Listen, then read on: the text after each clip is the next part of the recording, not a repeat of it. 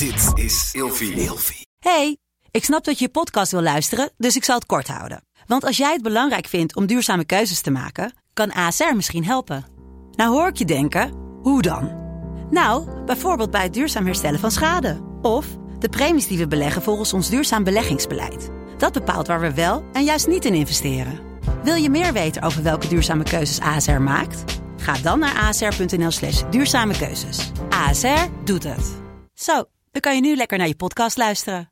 Vroeger. Meneer de Munnik, we bespreken deze week het onderwerp drugs. En in deze aflevering hebben we altijd een verhaal in de categorie Wist je dat?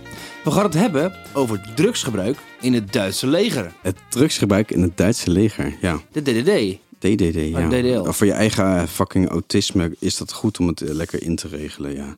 Ehm, Oké, wacht. We gaan eerst even een heel, een hele kleine geschiedenisles.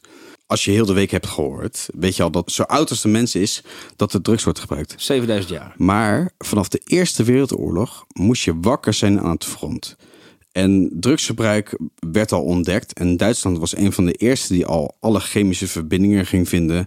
Ze hebben daar amfetamines ontdekt. Ze hebben eh, Si- Sigmund Freud, die, schreef zichzelf kook toe. Die heeft een boek geschreven over coca. Dat koken het allerbeste is om alles te verhelpen ter wereld. Ja, ik zou hem zo geloven eigenlijk. Ja, maar het is gewoon, eh, het is natuurlijk gewoon niet waar. Hele slimme man. Ehm amfetamines, inderdaad, wat ik al zei.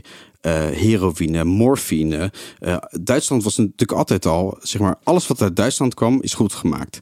Dus vanaf de, zeg maar, ruwweg gezegd, de 19e eeuw werden alle chemische verbindingen, ecstasy, noem maar op, is allemaal daar uitgevonden door chemische mensen. Echt waar? Ja, maar nu komen we dus bij de Duitsers in de Tweede Wereldoorlog.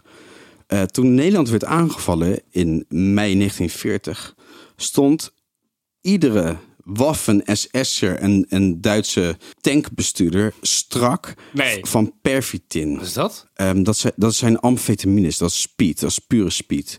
Herman Keuring heeft dus gezegd dat in de standaarduitrusting van de Duitse soldaat, en zeker van de, de punt, dus de voorhoede, dat zij dus een rolletje pervitin moesten hebben. Dat zijn speedpillen. Ga je toch als de brandweer? Zij ging als de fucking brandweer. Die stopt nooit. Het gaat, zeg maar, Erwin Rommel is een van de allerbekendste tankgeneraals eh der geschiedenis. Er gaan verhalen over dat hij in Frankrijk zeg maar, aan doorstoten was. Noemen ze de blitzkrieg. Hè? In één keer op één punt met z'n allen doorstoten en daarna omsingelen. Deze man stond zo strak van de amfetamines dat hij dus gewoon alleen maar aan het doorrijden was. En dat zeg maar zelfs de, de, de tankwagens het niet konden bijhouden om de tanks bij te tanken. Nee. Zij stonden met z'n allen zo strak dat zij binnen no time eh, al voor Duinkerken stonden en iedereen hadden overvallen en dat Nederland ook binnen vijf dagen moest overgeven. Maar stel je voor dat je helemaal vol van die zooi zit met gewoon een bezoeker op je nek. Je hebt geen angst. Nul. Ehm, Het is echt een, gewoon een er zijn, videospelletje. eh, er zijn krijgsverslagen van Nederlanders bij de Grebbeberg. Die daar zaten, jongens zoals wij, gewoon, eigenlijk gewoon normale gasten. Doorsnee. Eh, weet je, wel, je, je, staat de ene dag voor de klas, dan word je opgeroepen. En dan moet je in één keer in een, in een greppel liggen met een geweer. Je weet niet eens hoe dat ding werkt, want ze werden niet getraind. Ze hadden vijf patronen. Eh, ze hadden niet eens granaten. En dan komen er allemaal gewoon doorgesnoven da- zeg maar Duitsers die helemaal als een raket gaan. Lopen gewoon over je heen. Met, met, met automatische geweren en granaten en camouflage pakken. En, jij zit met een helm op je kop waar de Nederlandse leeuw glimt in de zon. Weet je wel? Dus kunnen precies zo door je kop schieten. Eh, dat is wat er gebeurde. Ja, dat is lastig. Het gaat zeg maar zo ver dat dus Hitler was natuurlijk ook eigenlijk een drugsgebruiker. De lijfarts van Hitler gaf Hitler zoveel drugs. Niet. Dat er echt, je moet maar eh, ook een beetje op YouTube gaan kijken. Dat de Hitler staat af en toe echt zo niet normaal strak. Het, gaat het, het gaat zelfs zo ver. Er zijn 44 moordaanslagen op Hitler eh, ze hebben geprobeerd te plegen. Hè?